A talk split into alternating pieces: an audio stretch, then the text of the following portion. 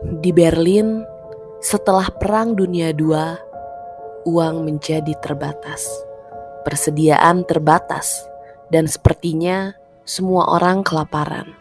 Saat itu, orang-orang sedang menceritakan kisah seorang wanita muda yang melihat seorang pria buta dengan tongkat putih menerobos kerumunan.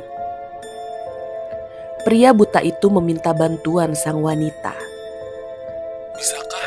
Membantuku mengirimkan surat ini ke alamat yang tertera di amplop?